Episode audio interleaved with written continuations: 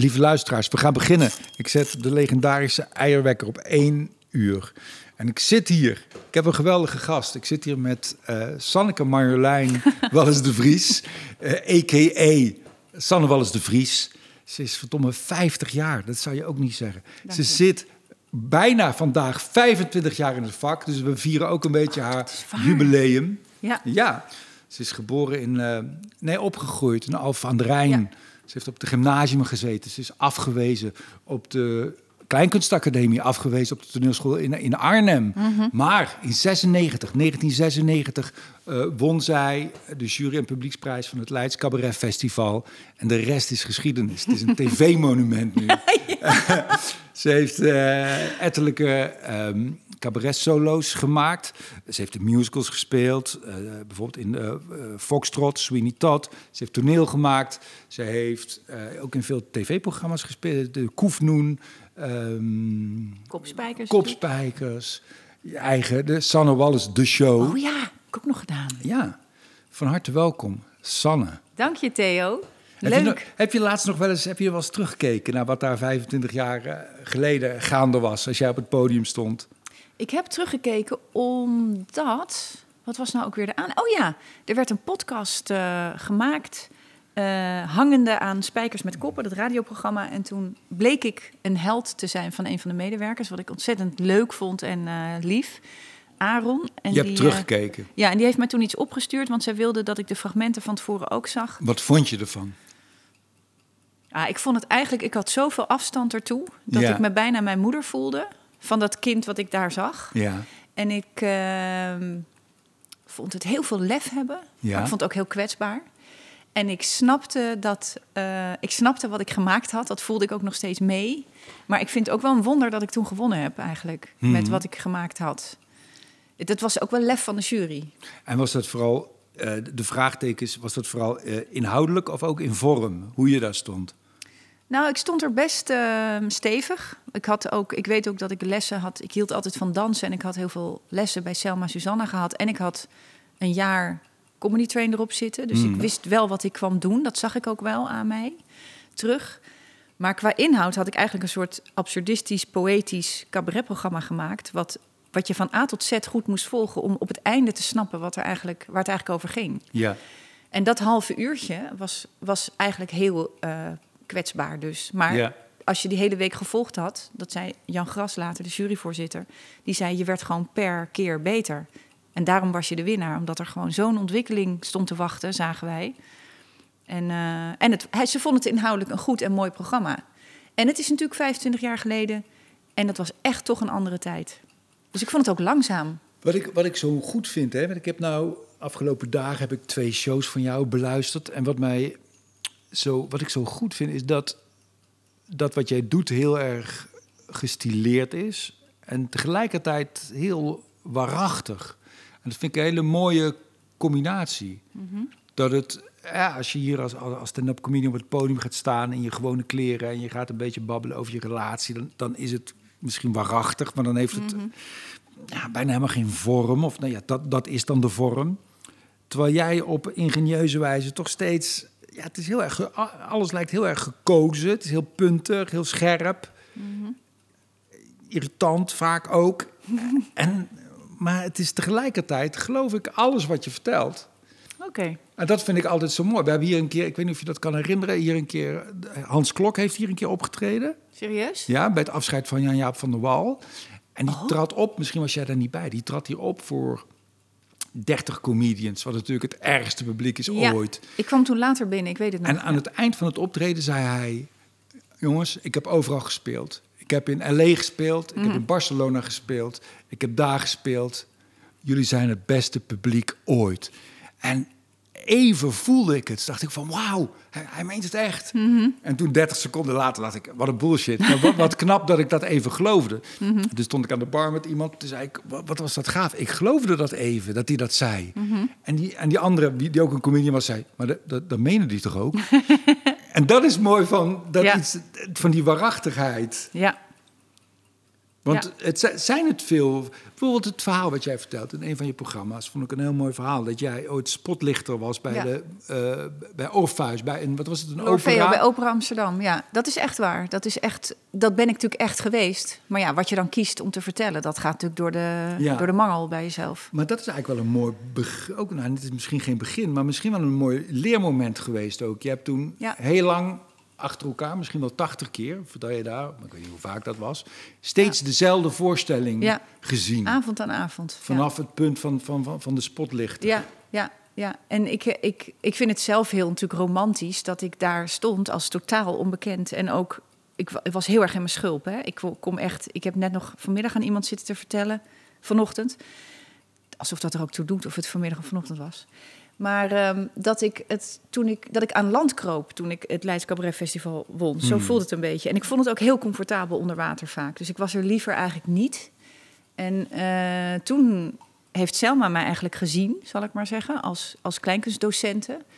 Ik denk ook als ik auditie ging doen ergens dat ze mij ook niet konden zien omdat ik mezelf niet liet zien. Maar je wilde wel, je was wel een, een Ja, zeediertje wat aan land wilde. Ja, maar ik dacht dat ik wist als ik maar eenmaal binnen ben, dan kom ik aan land, weet je wel. Dan, dat waren voor mij een soort boeien, zou ik maar zeggen. Mm. En eh, ik wist ook wel dat ik het in me had en dat ik een talent had voor dat podium. En eigenlijk in Arnhem heeft toen een... Ik kom zo terug bij de Orf- Orpheus hoor, want dat eh, weet ik nog wel.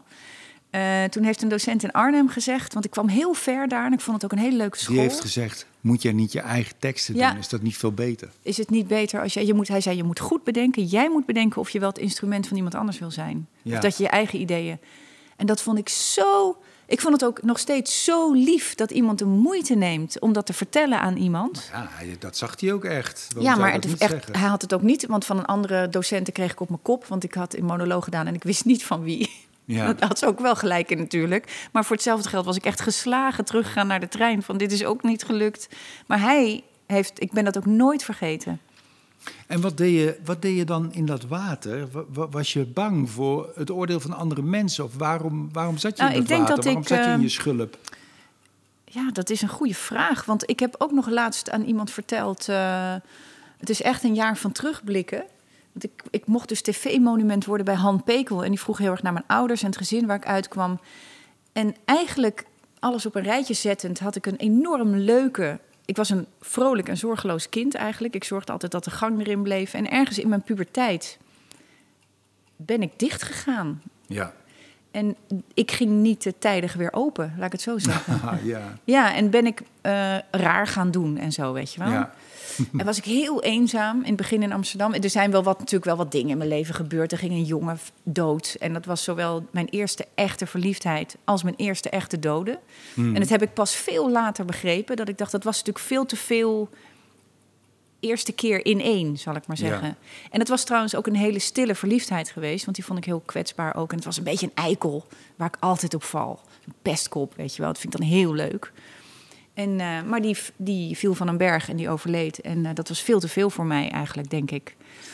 En toen eh, ging het dicht. Onder andere daardoor. En toen heb ik geworsteld met eten ook.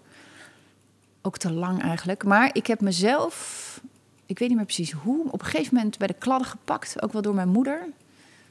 En toen ben ik naar een psycholoog gegaan. En daar ben ik gewoon in mijn eentje heel lang met de tram, lijn 1, de overtoom, overtoom helemaal af naar Osdorp. Ben ik in therapie gegaan elke week bij een kinderpsycholoog. Zij was eigenlijk kinderpsycholoog. Er zat ook allemaal speelgoed achter te staan. Dat zie ik nog steeds Maar toen voor was me. jij 18 of zo? of Nee, nee, nee, ouder. Ik was toen... Ik ging theaterwetenschap studeren eerst op mijn achttiende. Nou, dat allemaal gewoon gedaan, overleefd. Te veel zuipen, weet je wel. Nou, ja, ook leuk hoor. Dus ik was ook gewoon Ja. bezig, maar gewoon niet op, niet op wat ik wilde of niet wat ik, waar ik goed in was. Ik werd daar ook niet op aangesproken, zou ik maar zeggen, Nee. door niks. was helemaal geen optie ook misschien. Nee, nou, ik wilde wel. Ik had op mijn zeventiende auditie gedaan in Maastricht, maar toen was dat eigenlijk ook al niet. Dat, was, dat sloeg eigenlijk nergens op. Dat was het vooral. Dat ik nergens eh, met mezelf aankwam. Wat toch is wat je moet doen. Hmm. Zeker op een, een toneelopleiding. Ze willen je gewoon zien. Van kun je Ja. hier wat mee? En dan kwam ik als een soort van. eh, het is niet zoals bij Annie M. G. Schmid, die vond zichzelf bemost. Maar ik was er gewoon niet, denk ik. Ja. En toen, eh, door die psychologen en door Selma Susanna, dat moet ik toch elke keer benadrukken, die zag mij soort ik kwam bij haar. van jou ja, hè? ik kwam op cursus bij haar en toen na vier keer eh, zei ze: Wil jij niet naar de Kleinkunstacademie? Want jij bent goed. Ik, ik ruik je talent, ik ruik bloed, weet je wel zo. Was fijn om te horen, of niet? Ja, en Ja. Ik, het was ook zo. Ik kon niet wachten tot de week om was en ik weer naar Crea kon, weet je wel. Daar Ja. had ik gewoon... En ik kwam er per ongeluk terecht, want ik wilde een toneelcursus doen. Die was vol. En toen zag ik kleinkunst staan. Toen zei ik, nou ja, doe maar kleinkunst. Dat is toch ook met een podium? Ik wist gewoon niet wat kleinkunst precies... Ik vond het ook zo denigerend klinken een beetje. Dan had je toneel en dan had je Ja. kleinkunst. En vanaf het moment dat ik bij haar was, mocht je eigen teksten schrijven. En ik kwam elke week met vellen aan. En toen hadden we ook een voorstelling. En toen was ik een van de eerste die tegen het publiek kon praten. Dus dat ging gewoon. Ik praatte Ja. gewoon. En dat was voor mij bijna normaal. Dat ik dacht, ja, maar dit kon ik toch al die tijd. Maar ik had het nooit laten zien. Dus... En zij zei toen, wil je niet naar de Kleinkunstacademie? En dan gaf ze ook les. Zei ik, tuurlijk wil ik dat. Maar En wat, en wat was dan wat je kon? Ja, tegen het publiek praten, maar ook dat dat dan ook nog grappig was. Of de ja, moeite ik waard. voelde als het, eh, als het grappig was ook. Van, als ik nu dit doe, dan is eh, dat leuk volgens mij. En dan was het ook zo. Ja, En ik weet nog dat ik een sketch had voorbereid met een, met een jongen. En dat we een hele. Dat we, nou ja, we hadden dan zelf dat bedacht. We zaten in de cabaretgroepje. Want je had dan muziektheater, cabaret en nog een paar dingen. Wij waren cabaret. En, en toen hadden we een hele stomme sketch over eh, iemand die was naar de. Nou, helemaal niet stom misschien, maar naar de concentratiekampen geweest. En die wilde daarover vertellen. ja. Ze had ook zijn dagboek bij zich. Die jongen was daar ook echt geweest. Het was zijn echte dagboek. En ik speelde de interviewer. Die wilde weten, nou kom op, in Polen heb je toch ook stranden? Het ligt toch Ja. aan de zee? Is toch ook Ja, leuk? Ja. En toen ging hij dan, wat we hadden afgesproken... ja, maar er zijn het ook. En ik ben er geweest. En toen ben ik om me heen gaan kijken terwijl hij voorlas. Maar ter plekke bedacht, toen het publiek bij zat... dat ik een beetje om me heen ging kijken en een gaap ging onderdrukken. En alles wat ik toen deed was grappig. Weet je wel, maar dat ik toen... Ik weet nog de sensatie van... hij is nu daar en ik ga nu om me heen kijken. Weet je wel, dat je dat bedenkt. Zo'n eerste keer, ik ga Ja. lopen timen. En dat dat toen aansloeg. En toen, ja, Selma die zei echt... Dit is, als je dit nu al doet en durft... en je hebt het raak elke keer... dat is gewoon... En was dat makkelijker? Dat, dat, want daar kwam je als het ware wel uit je schulp op dat podium. Ja. En was dat makkelijker op het podium dan buiten het podium? Of, of ging dat gelijk op? Nee, ik denk wel dat ik eh, pas sinds kort echt uit mijn eigen sch- schuld ben. Op persoonlijk vlak eigenlijk. Dat ik het nu pas... Nu pas? Ja, dat ik echt heel laat dat heb weten te combineren. Misschien toen ik kinderen kreeg. Ja. dat ik toen een beetje normaal, of tenminste dat ik toen ook scheid aan dingen heb gekregen. Maar ik weet niet, ik, ik was altijd, ik werd ook als kind een- al wel te druk gevonden. Wat een En ik, bijzondere combinatie van, vind ik sowieso hoor, van, ja, van eigenzinnigheid en van onzekerheid dan. Ik weet niet of het echt onzekerheid was, maar ik vond gewoon geen manier. Ik moest daar het afgelopen jaar heel vaak aan denken met corona over het nieuwe normaal en het oude normaal. Dat ik heel veel dingen abnormaal vond die andere mensen volstrekt vanzelfsprekend vonden. Ja. Dus ik vond echt heel veel dingen raar. Ja. Altijd. Alleen al dat je drie keer per dag eet of dat je Wat potentieel allemaal heel goed materiaal is, maar in het echte leven Precies, onhandig. onhandig, Waardoor je ja. weinig aansluiting hebt met de medemens Ja, ook. en dan altijd te veel drinken toch ook wel. En eh, dan pas rare dingen doen, omdat de grenzen wegvielen met andere mensen. Ik weet nog dat ik eh, de OV-kaart was net... Iedereen kreeg opeens een OV-kaart. Mhm. Toen konden we overal naartoe, de hele dag. En toen ben ik met Erik de Vroet, die nu een hele bekende regisseur is... die kende ik weer via een ander meisje. Die woonde met elkaar in een studentenhuis. En hij was toen misschien 18 en ik was 19. En toen zijn we naar het station gegaan met z'n tweeën, s'avonds. En eh, een trein gepakt, gewoon de eerste die we zien. En die ging naar Den Helder. En toen zijn we naar Den Helder gegaan en daar uitgestapt. En hebben we daar de hele nacht rondgelopen tot de eerste trein weer terugging. En toen zijn we naar een dijk gegaan en naar de zee. En we zijn in de, bij Rijtjeshuis in de tuin, tuin gaan staan en naar binnen gekeken. En toen dacht ik, dit vind ik normaal.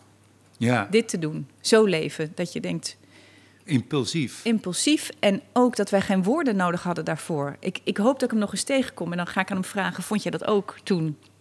Volstrekt normaal. wa- was het achteraf gezien een ideale warming-up voor je carrière? Wat precies? Nou, dat, dat wat je nu schetst, die hele ontwikkeling van uit die schulp kruipen. eh, ja, dat, dat wat, we, nu- wat je nu bespreekt Nou, ik denk, eigenlijk. ik denk eigenlijk dat Had je het... iets anders moeten doen?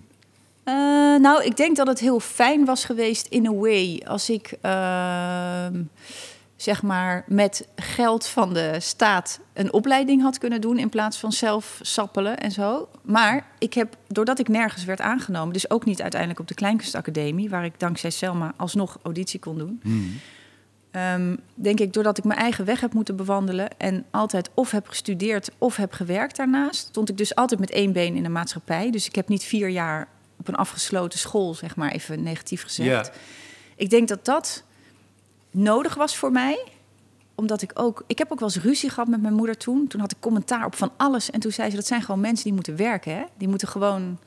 Toen vond ik dat mensen op een terrasje zaten te lanterfanten... terwijl de wereld in de fik stond. En Ja. eh, zei ze, die mensen hebben waarschijnlijk hard gewerkt vandaag. Die gaan even een borrel drinken. En dat is ook fijn voor die cafébaas. Ja. Dat is allemaal economie, weet je wel. En toen dacht ik, ik weet nog dat ik toen dacht, op mijn twintigste, toen ik zo helemaal zo donker dicht zat, dat ik toen dacht, ik weet het eigenlijk helemaal niet. Ik heb geen idee van de wereld eigenlijk. Nee.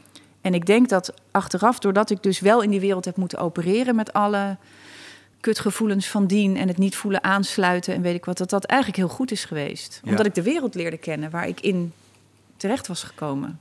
Ja, dat vind ik precies, als ik naar jou kijk en de dingen die je maakt en zo, dat vind ik precies dat wat er zo gaaf aan is. Dat het ook het over, dat dingen elkaar heel mooi overlappen. Want het is inderdaad ook heel eigenzinnig, maar het is toch ook wel, ja, dat afschuwelijk woord herkenbaar. Het is ook niet een totaal absurd universum.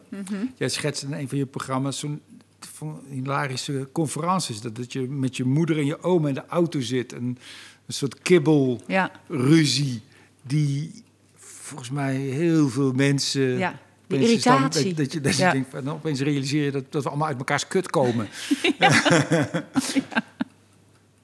en dat is dan zo. eh, Ja. ja, dat is, heel, dat, is heel, dat is een hele goede mix van, van gekte en, en, en eh, gewoonheid. Dat is, dat, daar heb je wel een goede. Dat heeft zich wel goed uitgekristalliseerd. Ja, hè? Want Ja. als je alleen maar gek bent, ja, dan ben je alleen maar gek. Ja, En dan, eh, dan was het denk ik niet goed gekomen. En als je je meer had, had proberen aan te passen, of, of als je dat vermogen had gehad om je aan te passen, Mhm. dan was het veel saaier geworden. Ik zag dat een klein beetje bij. Eh, ik heb niet alle afleveringen gezien, maar bij, eh, bij, bij die tv-show, bij Sanne Mhm. Wallace The Show. d- Dan, dan denk ik te zien dat je net, doordat er ook andere schrijvers zijn, omdat je in dat Ja. format zit, doordat Ja. er allemaal mensen er iets van vinden, Ja. dat, dat jouw specifieke kwaliteit net iets te veel aan wordt gelengd met gewoonheid, waardoor het eigenlijk iets saaier wordt dan jij bent. En iets, iets En niet truttiger, truttiger wordt dan, dan jij bent. truttiger en niet goed genoeg. Want ik ben pas goed als ik in die staat ben, inderdaad, waarin de Ja. boel in balans is. Dat Ja. weet ik zeker. Ja, En later zei de vrouw die mijn kostuums heeft gemaakt, de laatste Marie Lauwers. En ik heb altijd een heel lange vaste lichtman gehad. Max, die heb ik helemaal tot het einde toe meegesleept. Die was eigenlijk te oud en te moe. Die was ook ziek geweest. Die wilde eigenlijk niet meer. Maar ik, heb, ik zei, en je komt. Want dat zijn... En die, die hebben gezegd, er moeten mensen om je heen staan die van jou houden. Weet je wel? Dus Mhm. mensen die mij niet raar vinden of die warm lopen als ik ergens mee kom. En die dan ook iets, iets goeds willen maken. En eh, ik denk inderdaad... Ik, heb wel nog, ik zou het wel heel leuk vinden om alsnog iets op tv te doen... maar dan in, meer in de luwte en meer op zijn sannes, inderdaad. ja, Ja. ja. Want ik hou wel van tv. Ik kan echt in mijn eentje vol schieten bij iets op tv... of heel hard lachen in mijn eentje. En denk, nou, dat is toch fantastisch? Wat een leuk medium. Hey, en dit is het een waar we het nu over hebben, is eigenlijk persoonlijkheid. En dat is, heel, dat is denk ik heel belangrijk. Dat is wat je communiceert. Dat is wat het merk Sanne Wallis de Vries is bijna. En dat is, ja, het lijkt toch dat je daar weinig invloed op hebt. Er, er is een soort drang om op dat podium te staan, no matter what. En op een of andere manier ga je met je gekke persoonlijkheid een manier zoeken of vinden waardoor dat lukt. Hè, daar is power voor nodig en, en doorzettingsvermogen en eh, dat allemaal. Maar dat is gebeurd. Maar dan is er ook nog iets anders. Dan, dan is er ook het, het, eh, ja, ook het vakmanschap. Zo. De, de- hè, de, de- de- en, en de technieken. Wat, wat, wat is daar gebeurd in die 25 jaar? Wauw. Ja, dat is een te groot, ge- te, ge- te groot eh, geformuleerde vraag. Nou ja, Maar- er zit natuurlijk wel een ontwikkeling in, denk ik. Maar het is ook. eh, nou ja, laat ik gewoon beginnen bij het begin. Ik, toen ik dus begon, of toen ik dat Leids won, had ik in ieder geval sjoegen van de techniek van op een podium staan, denk ik. Dat had ik echt wel. Ik had toen al een paar jaar les. En ik had altijd dus gedanst, wat ik zelf heel belangrijk vind en ook mensen aanraad. Ga eens dansen in plaats van met je hoofd de hele tijd. Ja, je hebt het veel tegen mij gezegd ook. Ja, maar dat heb je niet gedaan. Nee. Dat is jammer. Teppen zou je nog kunnen proberen. Nee, ik heb ook zo'n opleiding gedaan. Ik heb ook Ja. in al mijn lompheid wel degelijk lichaamsbewustzijn. Ik weet echt wel wat ik doe. Binnen mijn zeker, maar jij weet dat zeker. Dat kun je ook zien als je naar jou gaat kijken. Maar, Maar dat is ook... Maar kan niet dansen, dat is weer wat anders. nee, maar wel daar maar staan. kijk, er staan ook mensen en die zijn vooral hoofd. En Ja. dat geeft dan misschien niet voor wat het is, maar dan zie ik wel alvast de meerwaarde van als ze wel zouden weten wat ze met hun lichaam kunnen en hoe de ruimte op een podium in elkaar steekt, bijvoorbeeld. En daarbij komt Ja, dat ik het het is een- gewoon heel interessant vind en leuk. Weet je het heeft gewoon heel erg mijn interesse altijd gehad. En het is ook een expressiemiddel, denk ik. Je kan bijvoorbeeld ook... de- eh, eh, ik wil graag luisteren naar mensen die iets belangrijk vinden, die, hè, dat het urgent is. En als iemand alleen maar eh, hoofd is, dan denk ik, ja, hey, eh, Ja. Ik stuur het even op, eh, op A4'tjes naar me, dan lees ik het thuis wel even door. Ja, ja, precies. Ja, je wil meeleven met iemands gevoelens. precies. Ehm, maar als je het daarover hebt, over dat soort technieken. eh, ik heb. Ik heb toch wel, vind ik, ik ben blij dat jij eh, mijn shows waardeert die je hebt gezien. Maar ik heb soms toch ook wel wat er. Wat ik liever anders had gezien, is dat ik meer eh, mijn oor te luisteren had gelegd bij wat mensen eh aan kunnen of normaliter verstaan in een zaal in Nederland. Dus ik ben wel een, ik word altijd eigenzinnig genoemd en Mm. eh, dan zorg ik ook dat het in orde is qua toneelbeeld en alles. Met name vier met die twee eh, danseressen. Ja. Dat was zo theatraal en poëtisch en het kwam wel uit mijn hart. Maar ondertussen zijn natuurlijk altijd dingen gaande in, in, in theaterland en in de maatschappij. En, en is er een bepaalde ontvankelijkheid nodig als je iets wil communiceren? Mhm.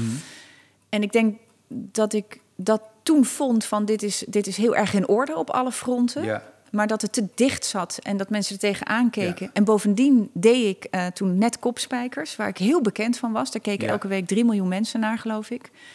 En dat, is, dat zijn wel momenten geweest. Zo heb ik een aantal momenten in mijn carrière dat ik dacht, achteraf denk, meid, had je zelf iets meer makkelijkheid gegund, Ja, weet je wel? ontspanning, denk ik. Ontspanning, ja, ja, ontspanning, maar ook dus daarmee het inzicht van. ehm, me- ze houden al van je, of ze weten al een beetje Ja. wie je bent. En daar moet je op gaan glijden eigenlijk. Ja, wat ik heel goed vind aan die shows is wel toch. Ik, ja, ik hou er wel heel erg van dat. dat kijk, het andere uiterste is eh, eh, Jasperina de Jong, die een fantastische dictie heeft en, en ze 800 woorden in, in 20 seconden kan zeggen en je verstaat ze allemaal. Maar daar is een beetje de, de mens uitgeperst. Eh, en Ja. wat ik juist zo goed vind in jou is dat, dat er zo'n varia dat er zo'n variatie zit en zo'n smakelijkheid en puntigheid. Ook in jouw manier van spreken. En maar wa- wat ik snap als je dit zegt, is dat, eh, dat het contrast met eh, het, het, het luie, het, dat je even alles loslaat. Ja. En eh, gaat zitten klagen gewoon als Ja. jezelf, wat ik veel meer ken uit vanaf Gut. En als ik hier zie staan, Ja, dat, dat, dat, dat Ja. ontbreekt er dan nog. ja, Maar ik vind het andere ook wel heel, heel, heel lekker. Ik vind Ja. vaak dat dat juist heel veel ontbreekt bij andere mensen die ik zie. ja, ja, ja. dat ben ik wel met je eens hoor. Dat ben ik wel met je eens. Ja, ja. Uiteindelijk is dat, dat, daar zat ik vanmiddag aan te denken... en dat geldt volgens mij voor elke discipline... of je nou schildert of op het toneel staat... Mhm.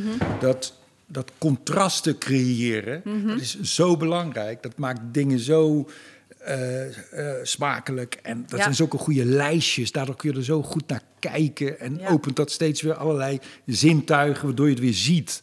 Want ik zie vaak ook, bij- stand-up comedy ook zeker... mensen die alles, alles even belangrijk maken bijvoorbeeld... Ja, ja, waardoor niks meer belangrijk Nee. is. Nee. Dus die hoekigheid die jij kan hebben, die vind, die vind ik juist wel heel lekker. Ja, en Mhm. Oh, dat wordt natuurlijk nog toffer als je ook eh, het Ja. helemaal loslaat. Ja, en als je dus ook daarmee even één bent met de zaal. Van wij zitten hier nu allemaal. Fijn hè? Weet je wel? Zo Ja. even niet... eh, Nou ja, wat jij ook wel zei. Ik ben blij dat ik hier ben. Vanwege thuis, weet je wel. Ja. Dat, eh, twee kleine kinderen en zo. En toen is het bij mij denk ik ook gekomen dat Ja, van, nou ja, ik ben al blij dat ik er ben. Het is goed zeg. Ik ga een beetje wat voorbereiden. Ja. ja. Ja, je kan in elke... Mensen zeggen ook altijd, het is ook zo'n cliché, weet je, kill your darlings. Ik, ik, ik vind als je een goede grap hebt, die moet je nooit killen. Ik bedoel, hoeveel goede grappen heb je nou? Ja. Je kan op elk moment in je programma, kun je Ja. zitten en zeggen, hè, hè, Ja. even pauze hoor. Dat even zijn ook leuke even- opdrachten, ja. En dan kun je gewoon je, je, je acht beste grappen doen, die je anders weg had gegooid. Die een stukje passen.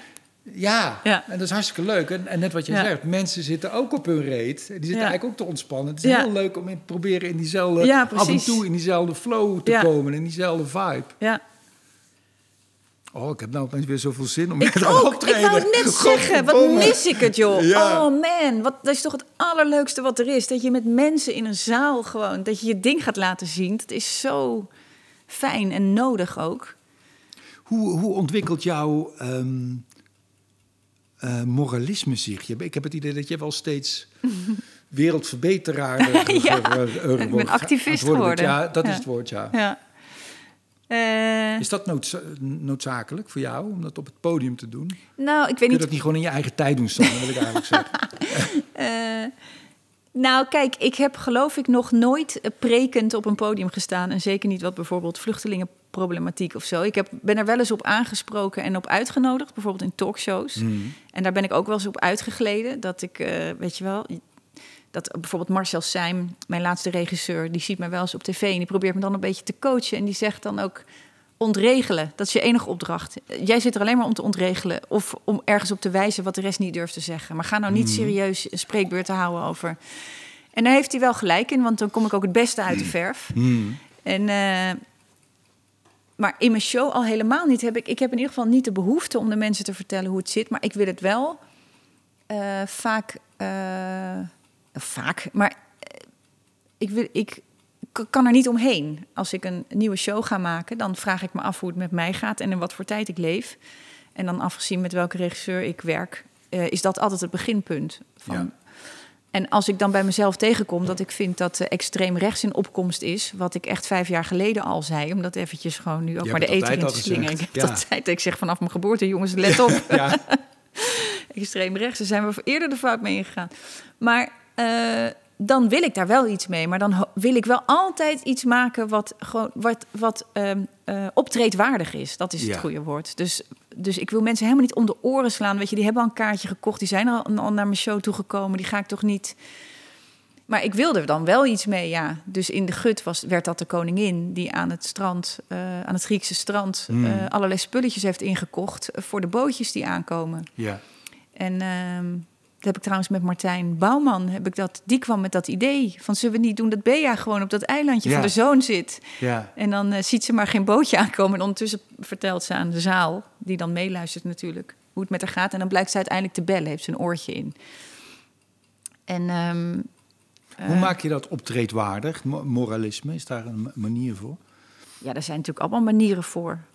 Maar eh, ik denk dat het vooral zo is dat je iets moet overbrengen waar de mensen of heel erg van in de lach schieten, of waar ze even van schrikken, of waar ze later op gaan zitten kauwen, zoiets. Mm. En er zijn er misschien nog wel veel meer uitkomsten, maar het moet, als het maar niet preken is, dat vind ik zelf echt, daar word- ben ik echt allergisch voor.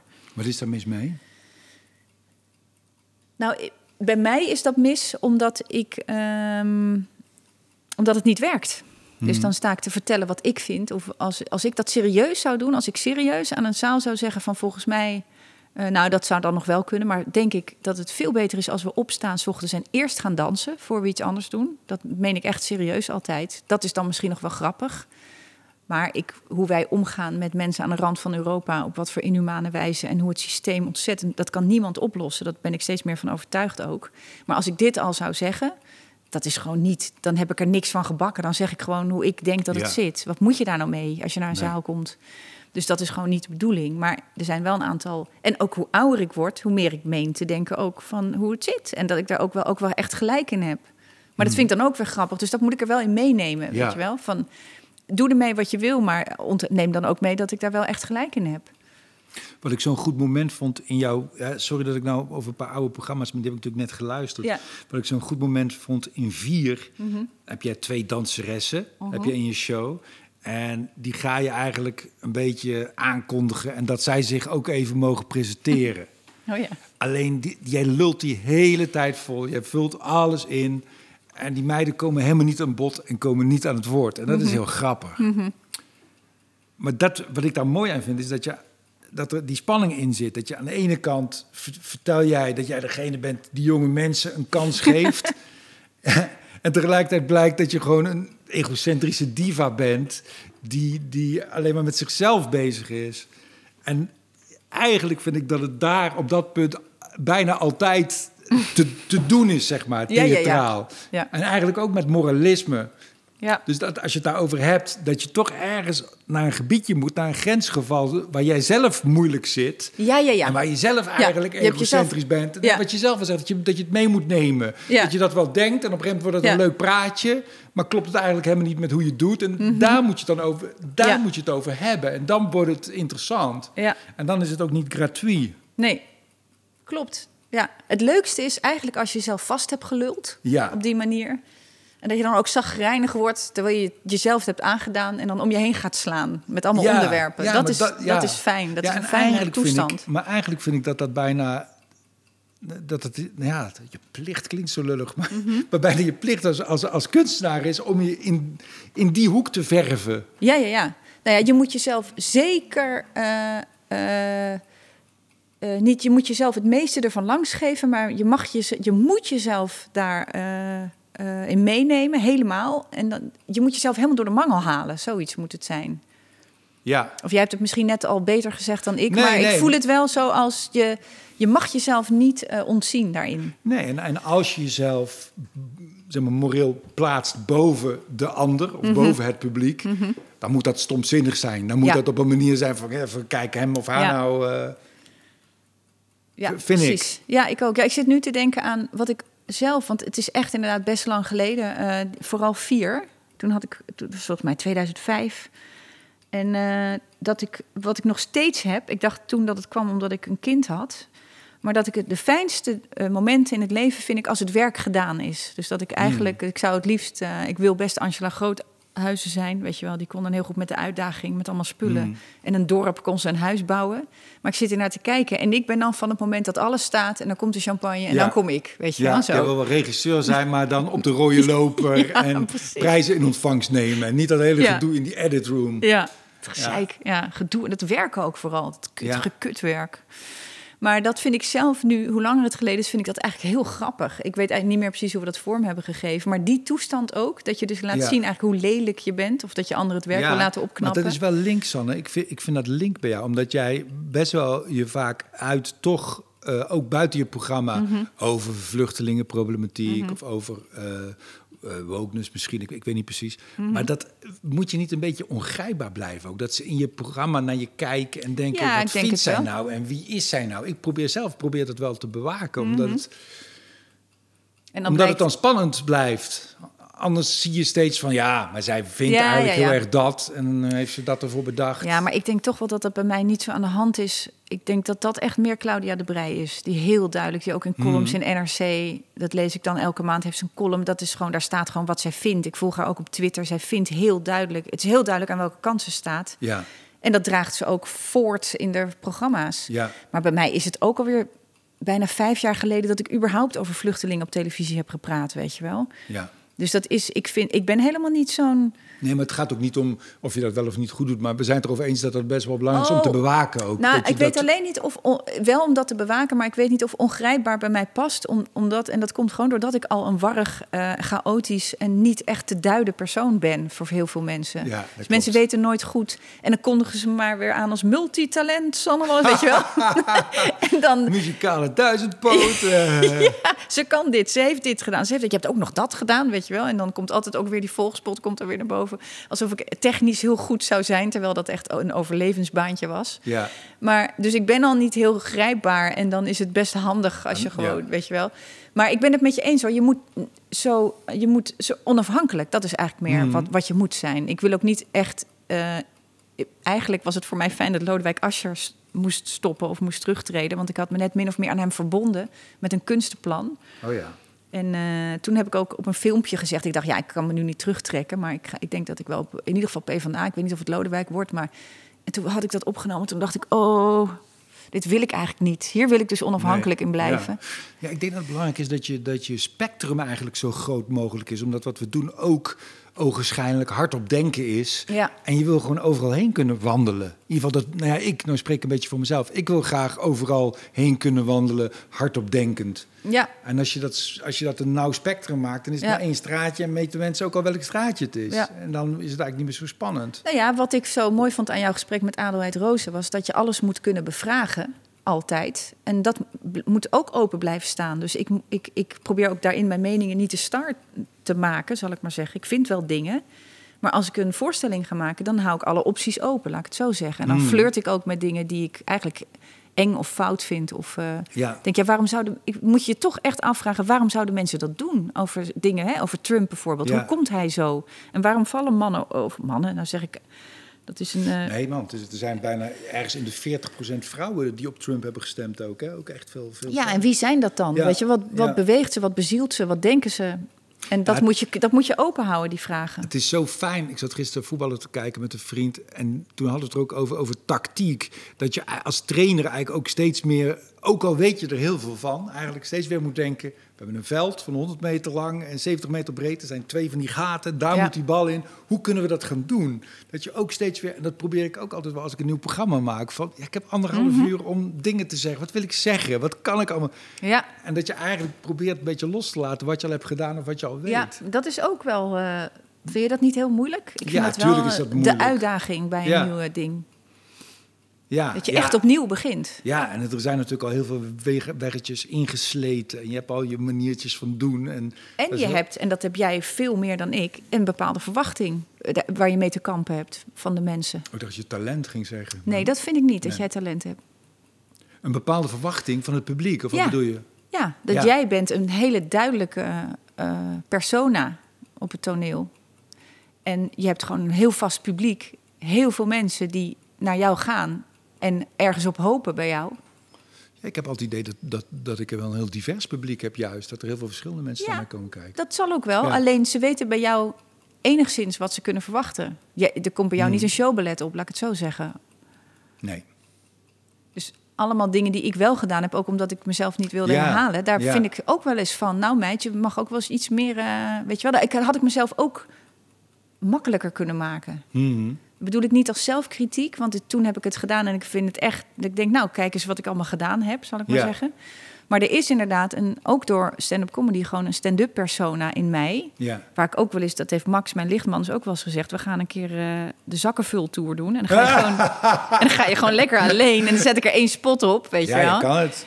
En eh, dat is wel waar ik, waarvan ik nu denk, dat wordt de volgende, weet je wel. Dan, Ja. En dan ga ik alleen maar gewoon alles bevragen. Gewoon alles. Ik vind het altijd fantastisch als we, als we een paar keer hier hebben gespeeld in Toemelen samen. En dan, ik weet een beetje wat je gaat doen. Mhm. En dat je dan opgaat en dat je iets ziet bij een of andere vrouw op de eerste rij. En dat je daarover begint te miepen. En dat je helemaal niet aan je materiaal toekomt. Dat heb ik al vaak gezien bij jou. Ja. Dat, vind ik, dat vind ik eigenlijk het allerleukst. Er zijn echt keren geweest hier, ja. En dat mensen naar de wc verdwenen. En dat ik ook zei, ga ook maar weg. En blijf ook maar weg. ja. Ja. Je hebt, je hebt best wel met, al met een aantal verschillende regisseurs gewerkt al, hè? Hoe, hoe. Ja. Nou, ik ben begonnen dus met Selma, want Ja. eh, met, zij leidde mij op. Zij werd min of meer jou een mijn beetje mentor. wakker gekust? Of is dat te... te- Nou ja, zij zag mij. Dat Ja. is gewoon eigenlijk wat er gebeurde. Zoals op de middelbare school een, eh, de musical-regisseur... die eh, was echt van buiten aangetrokken. Toen was ik 15. Peter van Muijen. En die kwam bij ons een musical maken... omdat de school 75 jaar bestond. En toen zag ik dat aanplakbiljet van de musical. En toen wist ik gewoon van, daar, moet ik bij. En toen heb ik meegedaan aan auditierondes ook nog. Het was echt officieel. En toen hing er op een dag de lijst met namen. Net als in de serie Fame. Dus. Toen stond ik erbij. Toen was ik erbij. En die man, die heeft later... Daarvan denk ik ook, die zag mij. En die heeft mij toen echt door dat jaar heen gesleurd... en iets in mij wakker gekust. Die heeft mij echt wakker gekust toen. Ja. Van, en die zei ook, jij kan iets. Dus, en hij heeft ook ooit gezegd tegen de hele... waar iedereen bij was...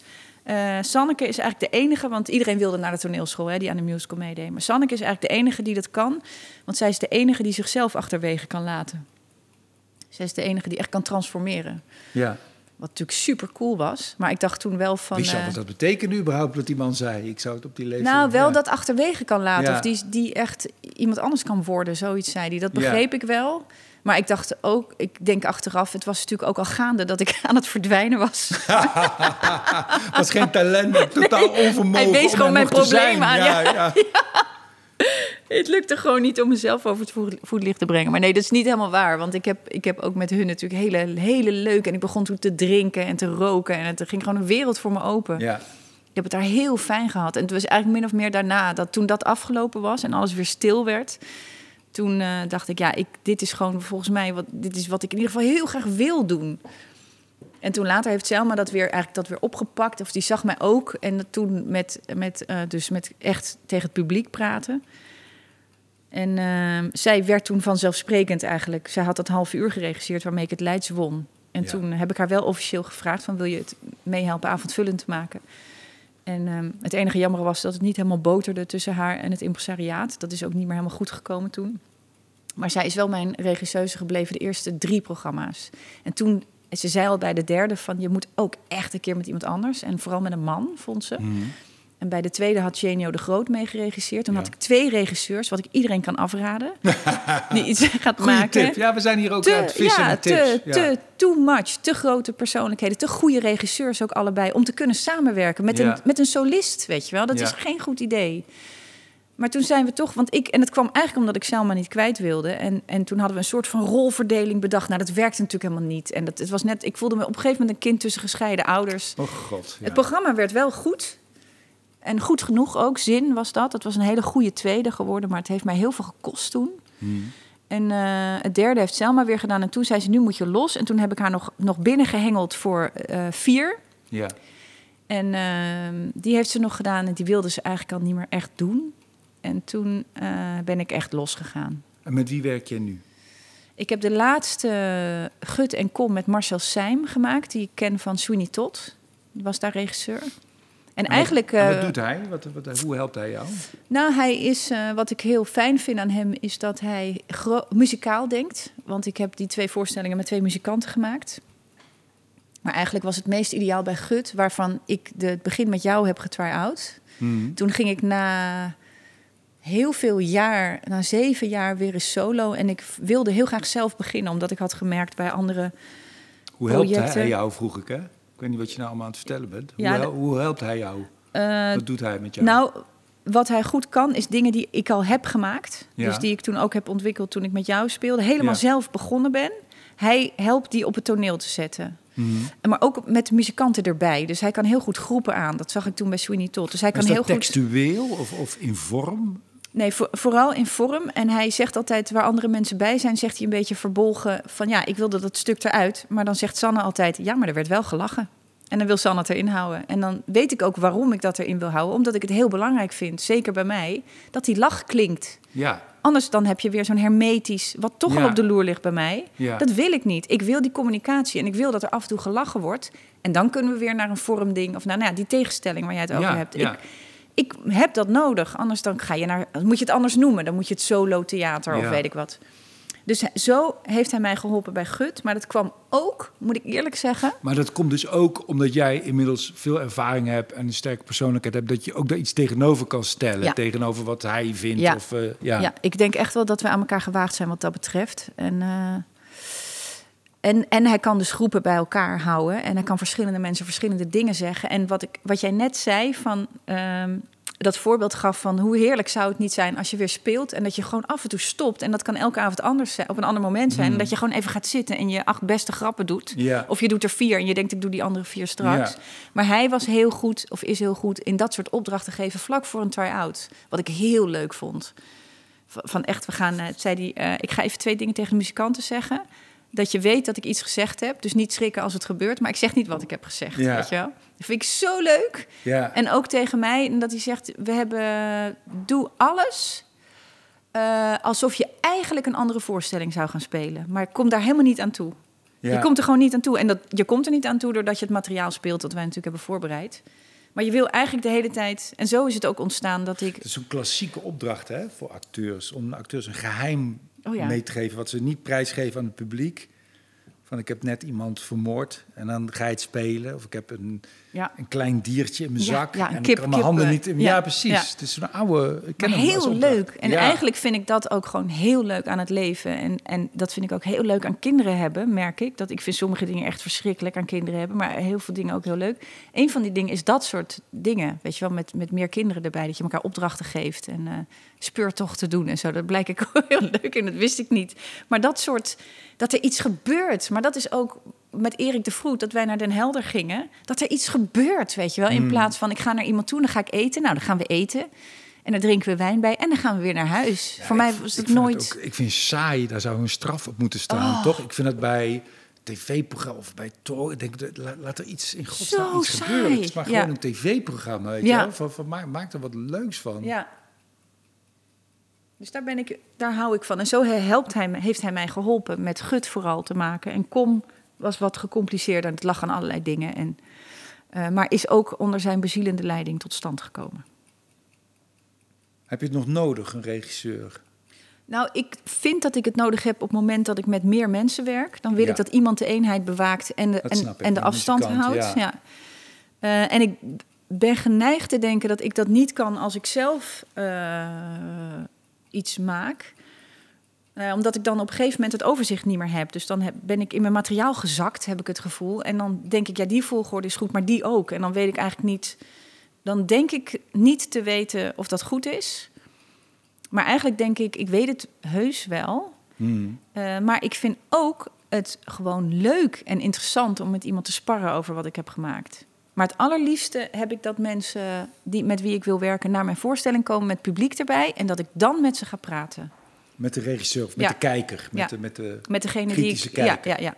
Dat, eh, of je het nou een coach noemt of weet ik veel. Maar eigenlijk denk ik dat dat voor de volgende. dat ik dat het allerliefste heb. Van ik maak iets, dat wil ik spelen met publiek erbij. Want dan komt natuurlijk ook van alles tot leven. Het is zo belangrijk, hè? Ik vind het bij jouw shows ook wel dat je zit te genieten. En dan naar de rand denk je, als je dan moet gaan formuleren van ja, waar gaat het, waar gaat het nou eigenlijk over? Ja. En dat het eigenlijk heel prettig is als dat niet in één of twee zinnen te vatten is. Ja. Het is eigenlijk net als met kapsels. Ik vind kapsels heel stom. een net kapsel. Je wilt toch dat iemand lekker haar heeft? En niet een kapsel. En sommige cabaretprogramma's of programma's zijn een kapsel. Ja, ja, ja. Oh ja. Dat is gewoon helemaal bedacht. Maar En ook daar- te dat- af, gewoon. Ja, ja. ja. En Je wil soms- iets beleven. Tenminste, ik wil iets beleven als ik ergens naartoe Nou, ga. en ook iets wat levend is. Ja, Als je dan, nou ja, Beatrix had helemaal zo'n kapsel. Dat, is, dat, is, Ja. dat, is, dat had ook een pruik kunnen zijn of zo. Van, ja. En bij sommige mensen die al wat slordiger van aard zijn, gaat het denk ik een beetje vanzelf. Die moeten misschien iets meer best do- doen om er vorm in te krijgen. Om, om er, eh, ja. eh, en, ja, en andere mensen moeten het eigenlijk weer wat slordiger maken dan het, dan het is. ja. Klopt. Dat is wel, ja, zo had ik er zelf ook nooit over nagedacht, maar dat is wel belangrijk. Ja, dat is heel belangrijk. Ik vind, ik vind het ook altijd zo heel concreet, want dat is ook altijd zo'n flauwe vraag, of nou geen flauwe vraag, maar die je dan vaak hoort van mensen die niet zoveel verstand van hebben. Van, is het niet saai om het honderd keer te spelen? Ja, ja. Maar dat is er ook gewoon eh, onderdeel van de kunst, is ook gewoon er leven inblazen. En dat is ook dat is moeilijk en ook leuk, toch? Ik, vind dat, eh, ik vind dat een heerlijk tijdperk wat er dan aanbreekt. Ik, heb toeren ook nooit erg gevonden, behalve toen ik kwetsbare kinderen had, waar ik echt buikpijn van weg Omdat ze nog reed. zo jong waren. Ja, gewoon Ja. te klein. Dat ik ook Ja. dacht, waarom doe ik? Waarom heb ik hier ja op gezegd? Maar goed, die, die tijden liggen achter ons. Ehm, maar ik vind toeren, heb ik geen, nooit een enkel probleem mee gehad. Ik vond het fijn en duidelijk. En ik vond, vind het een heerlijk idee dat de show af is. En het cliché is ook gewoon waar. De show is niet elke avond hetzelfde, want er zit elke avond ander publiek. En sommige dingen, die, die time je misschien exact hetzelfde. Maar ik vind het juist een hele fijne periode. Ik vind het duidelijk. Je kan dingen toch nog veranderen, want het is gewoon jouw cabaretshow. Dus ik heb, heb dat nooit erg gevonden, geloof ik. Jij geeft ook les, hè? Nou, niet meer, maar ik heb wel les gegeven, ja. Wat, eh, hoe pak je dat dan aan? Waar, waar begin je dan? Nou, ik begon eh, niet zo goed, maar daar gaan we het niet over hebben. En eh, toen het eenmaal begon te lopen, toen kwam het eigenlijk doordat nou, wat ik... ging er eerst mis dan? Dat wil ik wel graag weten. Nou, ik vroeg te veel aan. Ik ging niet gefaseerd lesgeven. Dus ik begon. Ik heb later geleerd, je moet beginnen met misschien blokken ook lesgeven. Dat je ook van tevoren vertelt, we gaan eerst drie keer werken aan tekst. Dan gaan we drie keer werken aan je persona bijvoorbeeld. En dan eh, drie keer je allerbeste materiaal bij elkaar schrapen en dan een voorstelling. Ja. Dat is al veel beter dan wat ik deed. Want ik liet mensen gewoon materiaal schrijven, alsof ze al bij Comedy Train zaten. En dan mochten ze hun stuk doen voor mij. En dan zaten we dan naar te luisteren. En dan verdronk ik eigenlijk in een allerlei. in hun materiaal, in hun zijn, in hun problematiek. En wat ik er nog in godsnaam over kon. Of waar ik moest beginnen überhaupt. Ja. Dus dat deed ik eerst helemaal niet goed. En dan mensen vonden het ook te eng. En ze hadden dan hele rare dingen gemaakt waarvan ik dacht, ja, dit is afschuwelijk. Maar Ja. hoe gaan we dit eens eh, aanpakken, weet je wel? Dus op een gegeven moment heb ik, eh, dat was dus op de school van Selma wederom, dat ik daar les ging geven. En dat kwam eigenlijk, dat lesgeven, dat is misschien ook nog wel interessant, omdat ik bij Comedy Train kwam. En daar was het eh, adagio voor de leeuwen Ja.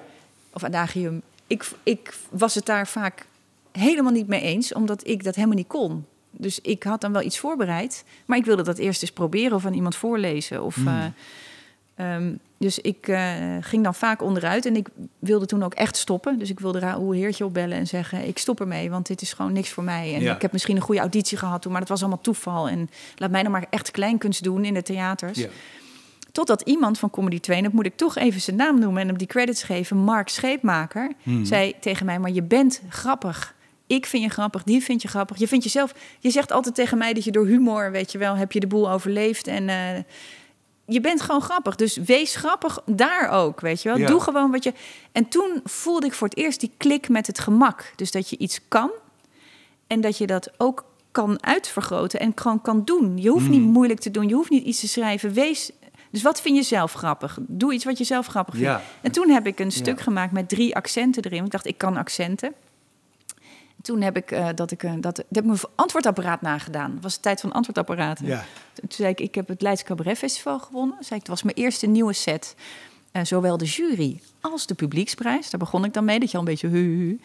Ik zei, maar ik heb nu wel... eh, dat is op zich natuurlijk heel leuk dat ik iets bereikt heb in mijn leven. Maar mijn antwoordapparaat, er staan nu mensen op... en die willen dan dat ik kom optreden. En dan deed ik een kakker na van... Hé, hey, Sanne, lekker. Kom je wel een biljartje op de saus? eh?"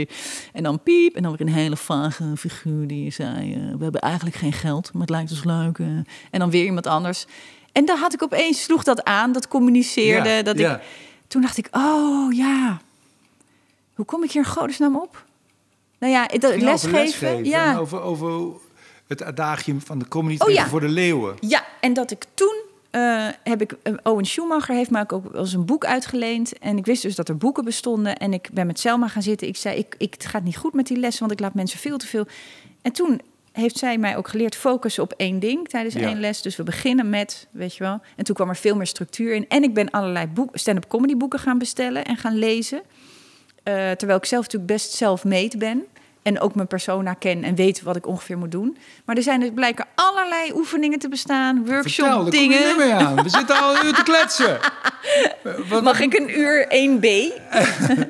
Eh, nou, er zijn allerlei dingen. Bijvoorbeeld een hele leuke oefening over wel of niet dingen menen. Je, staat, je gaat in een kring zitten. Ja. Ik doe even gewoon... eh, Dus je je bent met z'n vieren bijvoorbeeld. Je kent elkaar waarschijnlijk al een beetje... want je hebt al een tijdje met elkaar les. Je maakt eerst een rondje, je geeft een welgemeend compliment. Ja, Deze werkte altijd heel goed in de groep. Dus je kijkt even naar elkaar, het liefst over het uiterlijk. Dat is het makkelijkst. ja. Kom maar op, kijk maar naar me. Nou, ik kijk naar je. Ik zeg, Theo, wat ik echt heel leuk aan jou vind... Ja, dan moet, dat ga ik nu lang nadenken. Is je haar. Wat Ja. heb jij goed haar. Ja, klopt. Echt Dank je. serieus. Echt, wauw. Maar dik haar, mooi haar, nooit geweten. Want ik dacht ook dat jij jezelf kaal schoor omdat je kaal werd. Maar je, Nee. nee. Prachtig haar. Dankjewel. Nou, en dan ga ik straks, moet ik hetzelfde onderwerp nemen... ehm, maar dan moet het een belediging worden. Leuk. Ja, dat is heel leuk. Want, en als degene die toegesproken wordt echt pijn gaat voelen en verdriet... dan moet je dus altijd onthouden... daarnet is er een compliment gemaakt en dat was gemeend. Dat was Ja. echt waar. Ja. De, doe eens. Hey Theo, je hebt eh, haar, zie ik. Ja. Ja, meestal ben je kaal-achtig, toch? ja, kort ja. Ja, is dit je eigen haar of heb je, heb je een behandeling eh, laten doen? Want het staat best wel anders. Nee, dit is mijn, dit is mijn eigen Is het echt je eigen, ook de kleur ook? Ja? Oh ja. Nee, want eh, het is nogal... eh, ja, het lijkt, net, het lijkt net alsof het geen haar is namelijk. Het lijkt een soort vacht of eh, stof. Nee, Is nee. dit, dit is gewoon jouw haar? Ja. Nee, dan snap ik dat je het vaak kaal scheert, want het is heel... nou, zo ja. en dan zo door.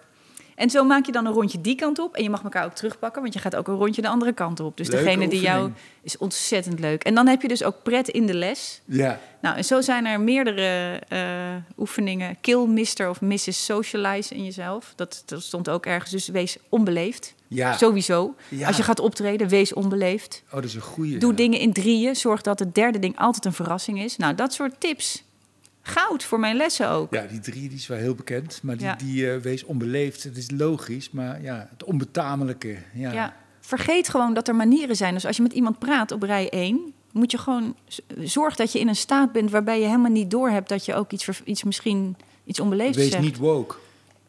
Ja, nou ja, wees niet eh, deugdzaam. Nee. Ja, wees, zorg dat je niet deugt in ieder geval. Nee. En die hebben we allemaal in ons.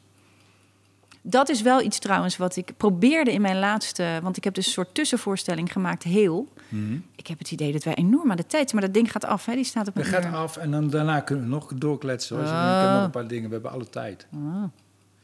Eh, maar dat ik er gewoon steeds meer achter kom. Dus dat vind ik wel een fijne tegenhanger van dat ik misschien heus wel opkom voor humane dingen en zo. Maar dat eh, wij mensen gewoon heel vaak misschien niet zozeer niet deugen, als wel dat wij heel vaak falen. Daar kom ik steeds meer achter. En dat we dat moeten. deugen. Of- Ja, of dat nou, dat heel veel mensen proberen niet eens te deugen, maar Mhm. dingen mislukken gewoon echt heel vaak. Het Ja. feit alleen al dat wij met zoveel op deze aardkloot zijn en gewoon de natuur helemaal slecht behandelen en zo. Ja. Het lukt gewoon niet. Nee. En dat vind ik een hele fijne. Het is geen nieuwe, maar voor mezelf is dat een hele fijne en werkbare inzicht. Mhm. En eh, daar, daar kwam ik eh, op uit tijdens het maken van heel, of tijdens het spelen van heel vooral. En dat wil ik echt meenemen straks als ik weer de theaters inga. Die uitkomst of dat weten, weet je wel. Ik, ik ben ook een yoga-moeder, hè. Ik ben ook echt zo'n yoga-vrouw. En ik eh, zie dat niet als... Ik denk steeds de vergissing, merk ik bij yoga... ook echt in die leer en bij de mensen die het geven... is dat je moet dat dingen oké zijn. Ik denk, dingen zijn vaak helemaal niet oké. Dingen zijn heel vaak kut of je bent echt een slecht mens. Ik ben ook vaak een slecht mens, hoe ik over anderen denk. Dank je. Ik denk vaak echt slechte dingen. En dan moet ik niet denken dat dat oké is. Nee, dat is heel slecht. Mhm. Punt. Nou, dat was het. Ja. Dus dan faal ik in het goed zijn. En dat vind ik eigenlijk best wel bevrijdend. Het is niet goed voor de wereld en niet goed voor elkaar. En niet goed voor allemaal mensen die het heel slecht hebben. Maar het is wel zo. Nou, daar ergens. Ja, en het, is, ja, het creëert ook weer. Ik denk dat het ook weer in die zin werkzaam is. Als je daarvan uitgaat dat mensen falen, dat dat in de menselijke aard zit. Dat, eh, dat geeft ook weer veel ruimte om. eh, om, om dingen. eh, hoe zeg je dat? Om onbetamelijk te zijn en om Ja. dingen te zeggen die onaardig zijn, omdat het ook. Ja, het is onderdeel van wie we zijn. Ja, Ja, omdat, het- het niet zo, omdat er eigenlijk niet zo'n hard oordeel onder ligt, omdat we nou eenmaal Ja, falen, omdat we feilbare wezens zijn. precies. En kun je ook dus andere mensen wijzen op hun falen, omdat je zelf ook een feilbaar wezen bent. Ja, en het is ook herkenbaar ook nog eens. Dus het werkt ook voor cabaret. Want heel veel mensen zullen het herkennen. Het, alleen al gesprekjes in een winkel gaan echt vaak mis, soort van. Vind ik dan, valt mij op. Dat, ik, eh, dat je tegelijk gedag zegt of dat je elkaar net niet verstaat. Of, eh, de- of ik, ja, dan loop ik een winkel uit denk ik, nou, dit ging helemaal niet goed. Maar ja, weet je wel, dan ga je maar weer verder. Ik vind dat fijn. Je hebt ook wel een paar van die momenten in je, in je programma dat ik me ook heel ongemakkelijk voel bij de dingen die jij zegt. Van dat jouw kind, weet ik veel, is het drie of zo, en dan zit ze met haar hoofd op jouw kruishoogte. En dan zei ze, ik ruik je spleet. Dat ik denk, ook Sanne, alsjeblieft. En dat is heel fijn. Ik heb dat niet zo vaak, dat mensen wat zeggen. En ik denk, hé, kom op, hé. Dat ik, dat ik zeg maar de trut ben Ja, die daar geen zin in heeft. Dus het is eigenlijk ook wel goed om een soort... Hè, mensen schrijven natuurlijk, eh, er zijn mensen die dagboeken schrijven... waarin ze alleen maar de dingen opschrijven die voor, voor hunzelf zijn. Ja, Maar het zijn juist die dingen die interessant zijn om op een podium te vertellen. ja. Vind ik wel, ja. Ben je wel eens geconfronteerd verderop met la- later door men dat je wat hebt gezegd op het podium en dat mensen je dat kwalijk namen achteraf, omdat mensen niet dat het te persoonlijk was of te particulier of te, te beledigend? Jij ging ook lekker tekeer over jouw man in, eh, in Gut. ah, ja. Die lieve man. Die schat. Je zal, je, je zal maar mijn man zijn. Of in ieder geval een man of een partner van iemand die op het podium om het dingen. Hoe gaat het bij jou thuis? Of gaan we daar straks... Zij neemt mij niet serieus wat dat betreft. ik, ik kan me best wel veel permitteren. Ze komt ook nooit kijken, het boeit hem niet. Heerlijk. Ehm, nou, ik heb niet zozeer... Ik heb meestal, als er commentaar komt, is het van vrouwen. Mhm. Vrouwen die wat ouder zijn dan ik. En toen ik net begon, was, waren het vaak vrouwen van mijn moeders leeftijd... die waarschijnlijk ook moederlijke gevoelens hadden. En zeiden, dat moet je gewoon niet doen. Dat moet je gewoon niet zeggen. Terwijl, ja. Ja, ik zeg het niet voor niks, weet je wel. Hallo, eh, wie is hier de grappenmaker? ja. Ik zal toch wel weten... eh, Ook een beetje alsof ik niet wist wat ik stond te doen altijd, in het begin. Maar ik heb echt wel eh, tongen losgemaakt. En dan ook helemaal bij de verkeerde personen. Toen ik een, iemand in een rolstoel nadeed met die een... ja. Is dat niet jouw eerste programma? Ja, Ja. twee- tweede programma. Oh, dat was dus ja. met Shane. Die had ik met Genio gemaakt, die act. Ja. In een, toen, ik, ik zou niet meer weten waarom, maar we hadden een Zo'n elektrische... vrouw op een feestje, toch? Ja. In een rolstoel, ja. We hadden een elektrische rolstoel besteld. Ik zou niet meer weten waarom. Maar die hadden we besteld. Dat vonden we dus blijkbaar nodig. En daar zijn we mee gaan rondrijden in het lokaal. Waar ik al helemaal van in een deuk lag. Gewoon van de, de, gewoon de beweging van iemand. Jammer. Nee, klets maar lekker door. De beweging van iemand in een rolstoel. En dan het hoofd van Genio ook. Die, dan, die, die kwam dan heel hard langs rijden. En die keek me alleen maar zo aan. Met een hoofd. Ik, ik kan niet uitleggen wat er leuk aan was. Maar ook dat het zo fout was. Dat wij gewoon konden lopen. En dat we in een rolstoel gingen zitten. En daarom gingen lachen. Dat was ook al heel, heel grappig, vond ik dat. Dat we dat deden. En toen eh, kon ik Margot Keunen nadoen, die leefde toen nog. Die praatte zo, die had een toeval gehad. En die zei, alles heel duidelijk. En toen hebben we dat gecombineerd. Dat ik in een rolstoel zat, in een dikmaakpak... waar ik net Hanneke Groenteman in nagedaan had. Dus ik zat naakt en dik in een rolstoel... en ik kwam een feestje binnen. Hallo! Veel te hard en Een uiteindelijk... vrouw waar niemand zin in heeft. maar niemand, nee, nee, nee, dan moet je daar weer... En een fout iemand eigenlijk, Sanne, dat je dat soort dingen... Ik Ja. vind het niet oké. Echt niet. Jawel, dat vind je wel. Nee. Hoezo? Wat is er nou niet... Hoezo ga jij nou opeens mensen, die moralist mensen kunnen uithangen? zichzelf niet beschermen. Dat zijn mensen die al onderaan, onderaan de maatschappelijke ladder staan. Nee, dat is onder de niet sociale ladder. Die niet een beetje... Die staan helemaal niet onderaan. ik zal je vertellen, toen heb ik wel eens inderdaad van die vrouwen die mijn moeder hadden kunnen zijn, na afloop, die wa- zeiden dat, vond het een hartstikke leuk, ook altijd vond het hartstikke leuk, alleen die rolstoel vonden ze dan niet kunnen. En ik heb een keer iemand gehad die kwam zelf in zijn rolstoel naar me toe na afloop, dat ding op voluit. En die zei, eh dankjewel, dankjewel. Ja, dat is zo mooi. Zo werkt het. Zo werkt het. En dan over, ja, over woke gesproken, wie bepaalt wat er wel en niet kan. Ja. Ik, bedoel, ik had zijn goedkeuring ook niet echt nodig, maar ik vond het wel heel fijn. Hij zei, ik heb zo gelachen. En hij zei, het is ook gewoon echt zo, weet je wel. Ik wil ook gewoon neuken. En de vrouwen willen veel te weinig. En dat riep ik dan in die rolstoel. Dus eh, daar heb ik wel eens commentaar op gehad. Maar verder eigenlijk niet echt. Nou, voor mij ook niet. Je hebt het heel goed gedaan. Dank je, Theo. dankjewel, Sanne. Ik had jou eigenlijk Sanneke wel... eh, Marjolein uh, ja. Wat had je eigenlijk wel? Ik had jou eigenlijk wel af en toe een tegenvraag willen stellen, maar dan dacht ik... Ja, je bent niet eh, geïnteresseerd in andere mensen. Dat is waar. Dankjewel. Graag gedaan.